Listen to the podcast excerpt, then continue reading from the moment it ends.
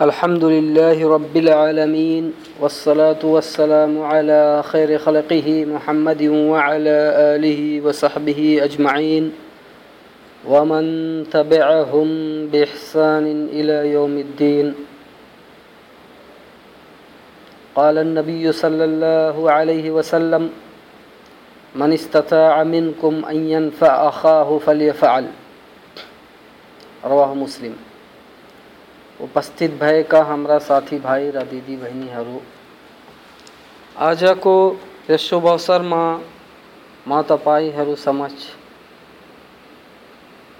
त्यसै श्रृङ्खलालाई निरन्तरता दिनेछु जसलाई अघिदेखि नै म वर्णन गरिरहेको छु। आज म त्यसै निरन्तरता दिँदै सिफारिस गरेकोमा उपहार कबुल गर्नुबाट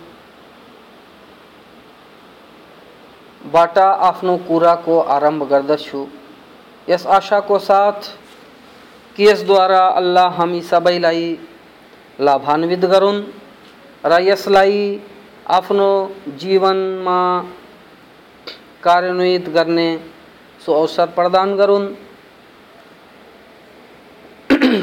र जे जति हामीले त्रुटि आदि गरेका छौँ, त्यसलाई क्षमा गरी कुरान र हदिस बमोजिम आफ्नो जीवन व्यतीत गर्ने सौभाग्य प्रदान गरौँ मान्छेहरूबीच उच्च दर्जा, स्थान र पद भक्तमाथि अल्लाहको अनुकम्पा मध्येको एक हो। जबकि त्यो यस अनुकम्पामाथि अल्लाहको कृतज्ञता प्रकट गरोस्। र यसको कृतज्ञता यसरी प्रकट गरिन्छ कि मान्छे त्यस पदद्वारा अल्लाहका आस्थावान भक्तहरूलाई लाभ पुर्याओस् र यो रसुल सल्लल्लाहु अलैहि वसल्लमको यस कथन अंतर्गत आउँछ। मन इस्तताअ मिनकुम अखाहु फलियफअल। अर्थात् तिमी मध्ये जुन आफ्नो भाइलाई लाभ पुर्याउन सक्दछ, त्यो अवश्य लाभ पुर्याओस्। मुस्लिम, भाग चार, पेज सत्रह सौ छब्बीस। र जसले पनि आफ्नो मुसलमान भाइलाई आफ्नो पदद्वारा कुनै लाभ पुर्यायो वा त्यसबाट अत्याचार र अन्यायलाई हटायो बिना कुनै हराम कार्य गरिकन, त त्यसलाई अल्लाह त्यसको यस कार्यको पुण्य दिन्छन्। यदि त्यसले यस कार्यद्वारा त्यसको नियत अल्लाहको प्रसन्नता प्राप्ति थियो, अर्थात् त्यसले यो कार्य गर्दा अल्लाहको प्रसन्नता प्राप्तिको नियत गरेको थियो। जसरी कि यसको बारेमा रसुल सल्लल्लाहु अलैहि वसल्लमले भन्नुभएको छ इश्फाउ तुजरु। अर्थात सिफारिस गर र पुण्य कमाऊ यस हदिसलाई अबु दाउदले हदिस नम्बर चार हज़ार एक सौ बत्तिसमा वर्णन गरेका छन् र सही बुखारी र सही मुस्लिममा पनि यो हदिस वर्णित छ। हेर्नुहोस् फतहुल बारी, भाग दस, पेज चार सौ पचास, किताबुल अदब, बाबो तआउनुल मुमिनीना बाजुहुम बाजा त यस्तो प्रकारको सिफारिस गर्नुमा वा माध्यम बन्नुमा रुपैयाँ लिनु जायज़ छैन। जसलाई घुस पनि भन्न सकिन्छ, उपहार पनि भन्न सकिन्छ। जस्तो कि अबु उमामा रज़ी अल्लाह अनहो वर्णन गर्दछन् कि रसुल सल्लल्लाहु अलैहि वसल्लमले भन्नुभयो, मन शफ़ अहदिन शफ़ाअतन, फ़अहदा लहु हदियतन अलैहा फ़क़बिलहा मिन्हु फ़क़द अता बाबन अज़ीमन मिन अबवाब रिबा। अर्थात् जसले कसैको लागि सिफारिस गर्यो, अनि त्यसलाई यस कार्यलाई गर्नुको कारण उपहार दिइयो, त यदि त्यसले यो उपहार कबुल गर्यो भने, त्यो सुदको विशाल ढोका मुनि आइपुग्यो। यसलाई इमाम अहमदले भाग पाँच, पेज दुई सौ एकसठमा वर्णन गरेका छन्। र यो सहिहुल जामेको हदिस नम्बर छ हज़ार दुई सौ बानब्बेमा पनि वर्णित छ। र केही पद पाएका मानिसहरूलाई काम दिलाउनुको लागि, वा जागिर दिलाउनुको लागि, वा सरुवा गराउनुको लागि, वा बिरामीलाई चिकित्सा दिलाउनको लागि, पैसा दिइन्छ तर यस्तो पैसा कबुल गर्नु हराम छ। र यसको प्रमाण अबु मामाको त्यो हदिस हो जसलाई हामीले वर्णन गरिसकेँ बरु इब्ने बाज रहमहुल्लाको कथन अनुसार यस हदिसबाट यो पनि प्रष्ट हुन्छ कि बिना शर्त पनि यदि कुनै कुरा दिइन्छ, त त्यसलाई पनि कबुल गर्नु हराम छ। र जुन व्यक्ति यस कार्यको प्रतिफल अर्थात् सिफारिस गरेको कार्यको प्रतिफलको अभिलाषी हुन्छ, त अल्लाह त्यसलाई प्रलयको दिन अति उत्तम प्रतिफल प्रदान गर्नेछ। एउटा मान्छे हसन बिन सहल समक्ष आयो र उहाँसित आफ्नो कुनै कुरामा सिफारिसको अनुरोध गर्यो अनि उहाँले त्यसको कार्य गरिदिनु भयो त त्यस मान्छेले हसनको आभार प्रकट गर्न थाल्यो। त उहाँले भन्नुभयो, तिमी मेरो आभार प्रकट गरिरहेका छौ, जबकि हाम्रो दृष्टिमा पदको पनि उस्तै जकात छ, जसरी मालको जकात छ। अल आदाबुशरिया लेखक इब्ने मुफले, भाग दुई, पेज एक सौ तिहत्तर।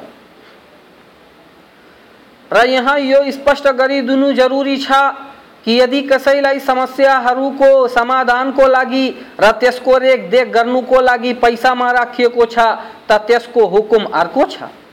त्यस मान्छे चाहिँ छैन, जुन मात्र आफ्नो पावर र पदको माध्यमले कुनै कार्यलाई सम्पन्न गर्दछ। त पैसा दिएर राखिएको मान्छे आफ्नो पारिश्रमिक अवश्य लिन्छ, तर पद र पावरमा भएको मान्छे कार्य गरे पश्चात वा गराए पश्चात लिन्छ भने यो पैसा हराम छ। यसले गर्दा हाम्रा ती दाजुभाइहरू जुन पदमा छन्, उहाँलाई अल्लाहले श्रेणी प्रदान गरेको छ केहीलाई हाकिम, केहीलाई वकिल, केहीलाई डक्टर, केहीलाई इन्जिनियर बनाएको छ। त उनीहरूमाथि यो अनिवार्य छ कि अल्लाहबाट डरुन् र आफ्नो यस पदको अवैधानिक फाइदा नलिउन् यस पदको नाजायज लाभ नलिउन् बरु जसरी इस्लामले निर्देशित गरेको छ त्यसै बमोजिम कार्यरत हुन्। र ती अवैधानिक कार्यहरूमध्ये कार गरिएर वा गराएर मजदुरलाई त्यसको पारिश्रमिक ज्याला नदिनु। रसुल सल्लाह वसल्लमले मजदुरको ज्याला त्यसलाई छिटोभन्दा छिटो दिनुतर्फ उत्साहित गरेका छन्। जस्तो कि उहाँ सल्लाह वसल्लमको भनाइ छ, अतुल अजीरा अजरहु कबला जिफ्फा। कहू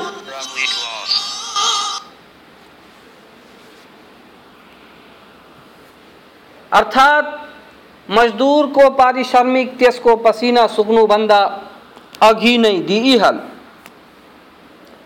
यस हदिसलाई इब्ने माजाले भाग दुई, पेज आठ सौ सत्रमा वर्णन गरेका छन् र यो सहिहुल जामेको हदिस नम्बर एक हज़ार चार सौ तिरानब्बेमा पनि वर्णित छ।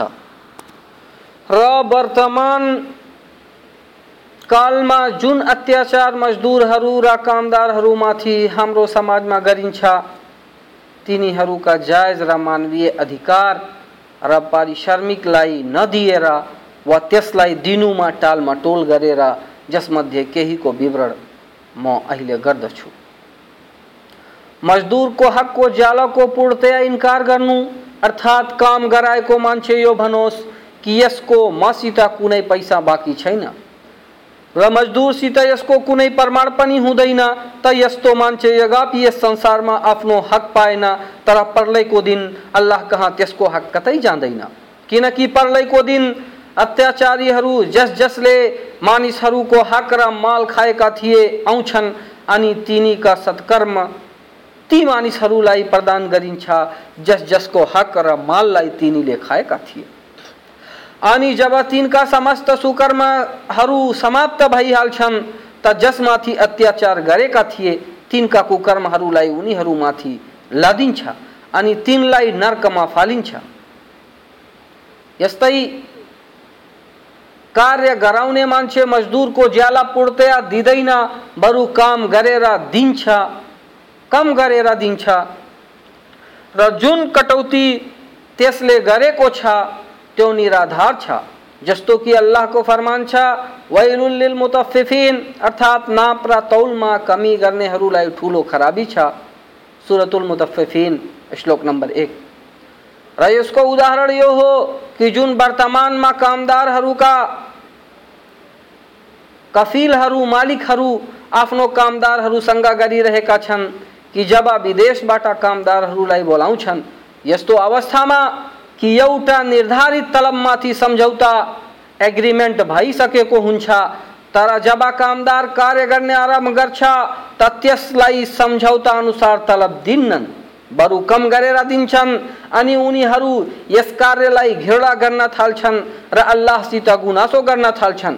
र यदि कफिल मुसलमान हो र कामदार काफिर हो भने मालिकको यस करतुतको कारण त्यो इस्लाममा प्रवेश गर्दैन। त्यसको हृदयमा घृणा उत्पन्न भएको कारण अनि मालिक पनि त्यसको पापको भागीदार भइहाल्छ वा यस्तो पनि गरिन्छ कि जुन कार्यमाथि सम्झौता भएको थियो, त्यसभन्दा बढी काम लिन्छ, वा कफिल त्यसको कामको समय अवधि बढाइदिन्छ तर त्यसलाई मात्र बेसिक तलब नै दिन्छ र बढी कामको पैसा दिँदैन। वा मालिक त्यसको हक दिनुमा टालमटोल गर्छ। यसर्थ त्यसको हक तबसम्म दिँदैन। जबसम्म त्यो त्यसको लागि दुग्रेर हैरान नभइहालोस्। वा हाकिमसित गुनासो नगरोस्। र मालिकहरू यस्तो यस कारण गर्छन् ताकि कामदार थाकेर हैरान भएर आफ्नो हकलाई छाडिदियोस्। वा यस कारण दिँदैनन्। ताकि त्यसको यस मालबाट लाभ प्राप्त गरून् जसरी कि त्यसलाई कुनै ठाउँमा लगाएर वा ब्याजमा लगाएर लाभ प्राप्त गरियोस्। र यो माल जसको हो, त्यो गरिब न त स्वयंको लागि जीविकाको बन्दोबस्त गर्न सक्छ, न त आफ्नो परिवारलाई नै केही पठाउन सक्छ। कि त्यसका निमुखा छोराछोरीहरू त्यसबाट लाभान्वित हुन्, जिनको जीविकाको कारण नै त्यो आफ्नो देशलाई छाडेर विदेशमा आएको थियो। यसर्थ यस्ता अल्लाह को धिक्कार होस् र नर्कको दुखद यातना पनि हज़रत अबू हुरैरा रज़ी अल्लाह अनहुको वर्णन छ कि नबी सल्लल्लाहु अलैहि वसल्लमले भन्नुभयो, अल्लाह भन्छ प्रलयको दिन तीन प्रकार प्रकारका मान्छेहरूको म विरोधी हुनेछु। एउटा त्यो मान्छे जसलाई मेरो नाममा कुनै कुरा दिइयो अनि त्यसले त्यसमा धोका गर्यो र अर्को त्यो मान्छे जसले स्वतन्त्र मान्छेलाई बिक्री गरेर त्यसको पैसालाई खायो र तेस्रो त्यो जसले कसैलाई मजदुरीमा राख्यो अनि त्यसले काम पूर्ण गर्यो तर काम गराउने मान्छेले त्यसको ज्याला दिएन। यस हदिसलाई बुखारीले वर्णन गर्नुभएको छ। हेर्नुहोस् फतहुल बारी भाग चार। पेज चार सौ सैतालीस। तहे हाम्रा भाइहरू यो धेरै जघन्य अपराध हो कि कसै मजदुरको मजदुरी, त्यसको पारिश्रमिक तपाईँ खाइदिनुहोस् वा त्यसमा कमी गरेर दिनुहोस् वा त्यसमा बेमानी गर्नुहोस् वा त्यसलाई अर्को ठाउँमा लगाइदिनुहोस् ताकि त्यसको लाभ तपाईँलाई प्राप्त होस्। तर जसले कार्य गरेको छ जसको त्यो हक हो त्यसलाई त्यसको लाभ प्राप्त हुँदैन। त मेरो तपाईँहरूसित अनुरोध छ कि यस्तो कुकर्मबाट टाढा रहनु र यसलाई त्यागेर आफूलाई नर्कको आगोबाट बचाउनु। र यस्तै ती अवैधानिक कार्यहरूमध्ये हो सन्तानहरूलाई उपहार दिनुमा अन्याय गर्नु। केही मानिसहरू आफ्ना केही सन्तानहरूलाई केही उपहार दिनुको लागि मनोनित गरिलिन्छन् र केहीलाई उपहार दिएर अरूलाई त्यसबाट वञ्चित नै राख्दछन्। त यस्तो गर्नु हराम छ। बरु, यदि कुनै कारण यस्तो गर्छ भने कुनै आपत्ति छैन। जसरी कोही बिरामी भएको छ, वा त्यसमाथि ऋणको भार छ, वा त्यसको परिवार लामो छ, वा त्यो अहिले अध्ययनरत छ, आदि। त यस्तो अवस्थामा पिता त्यसलाई विशेष रूपले सहायता गर्न सक्छ। यस नियतको साथ कि यस्तै अवस्था अरू सन्तानहरूमा आएकोमा यस्तै उनीहरूको पनि सहायता गर्नेछ। किनकि अल्लाहको फरमान छ अकरबुल तकवा अर्थात् उनीहरूसित न्याय गर्ने गर, किनभने यही नै संयमको नजिक छ। सुरतुल मायदा श्लोक नम्बर आठ। र यस कुरामाथि विशेष रूपले त्यो हदिस प्रमाण हो जसलाई नोमान बिन बशीरले वर्णन गरेका छन् कि उनका पिता रसूल सल्लल्लाहु अलैहि वसल्लम समक्ष आएर भने, मैले आफ्नो यस छोरालाई एउटा दास उपहार गरेँ त रसुल सल्लाह वसल्लमले भन्नुभयो, के तिमीले आफ्नो प्रत्येक सन्तानलाई यस्तै दास प्रदान गरेका छौ त मेरो पिताले भने, होइन। सबैलाई प्रदान गरे छैन। त रसुल सल्लाह वसल्लमले भन्नुभयो यसो भए यसबाट पनि दासलाई फिर्ता लिइहाल। यस हदिसलाई बुखारीले वर्णन गर्नुभएका भएको छ। हेर्नुहोस् फतहुल बारीको साथ भाग पाँच पेज दुई सौ ग्यारह र अर्को हदिसमा छ कि रसुल सल्लाह वसल्लमले मेरो पितासित भन्नुभयो अल्लाहसित डर मान मान्दै गर। र आफ्ना सन्तानहरू बिच न्याय गर अनि उनले आफूले दिएको उपहार फिर्ता लिनुभयो। फतहुल बारी भाग पाँच, दुई सौ ग्यारह पेज दुई सौ ग्यारह र अर्को हदिसमा छ कि नबी सल्लाह वसल्लमले भन्नुभयो, यसर्थ मलाई यसमा गवाह नबनाऊ, किनकि म अन्यायमाथि गवाह बन्दैन। मुस्लिम भाग तिन, पेज बाह्र सौ तिरालिस।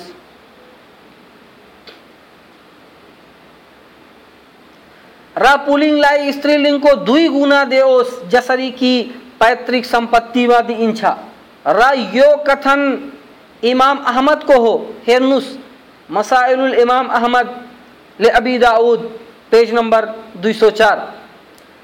र यसलाई यसै किताबको टिका टिप्पणीमा इमाम इब्नुल कयिमले अनुसन्धान पनि गरेका छन्। र विचारयुक्त दृष्टि राख्ने मान्छे केही यस्ता परिवारलाई पनि पाउँछन् जसमा माता पिता आफ्नो सन्तानहरूमा भेदभाव गर्दछन्। र केहीलाई छाडी केहीलाई उपहार दिन्छन्। जसले गर्दा त्यसको आफ्नै सन्तान बिच ईर्ष्या र शत्रुता सृजित हुन्छ।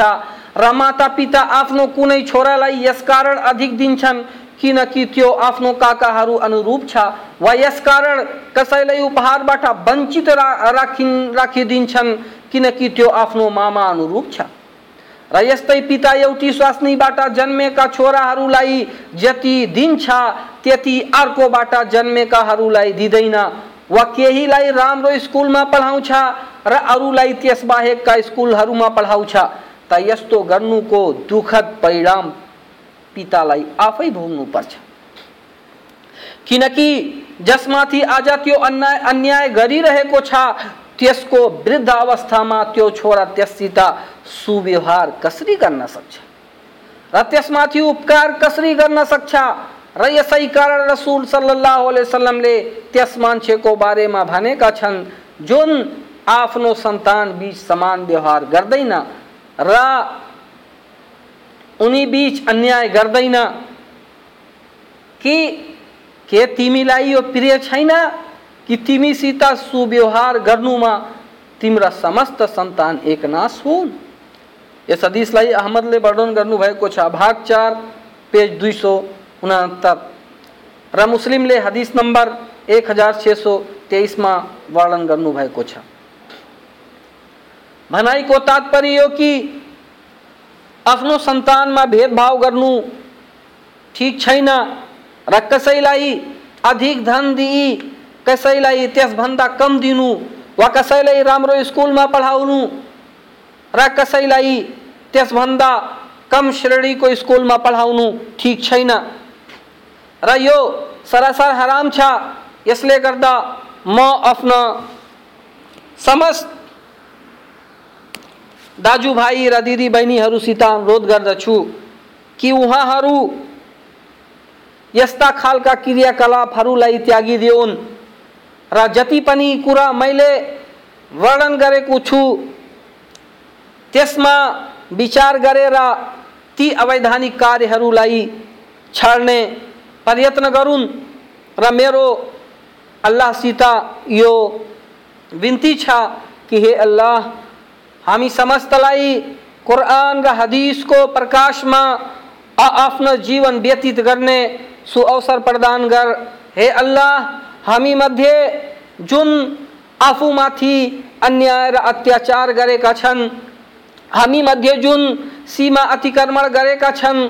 उनीलाई क्षमा प्रदान गर र उनीलाई तोबारा पश्चाताप गर्ने सुअवसर प्रदान गर हे हाम्रो पालनकर्ता, हामी मध्ये जुन बिरामी छन्।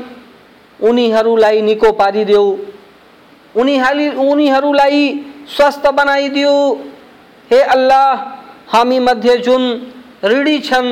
उनीहरूको ऋणलाई तिमी आफ्नो तर्फबाट चुक्ता गर। हे हाम्रो प्रतिपालक, हामी मध्ये जुन हाम्रा साथीभाइहरू निसन्तान छन्, उनीहरूलाई सन्तान प्रदान गरी उनीहरूको हृदयलाई शीतल पार। हे अल्लाह, हामी सबैलाई सत्यमा कार्यरत गर। हे अल्लाह, हामी सबैलाई सुकर्म गर्ने, सुअवसर प्रदान गरी आफ्नो स्वर्गमा उच्च स्थान प्रदान गर वाखरुद्दावाना अनिल रब्बिल आलमीन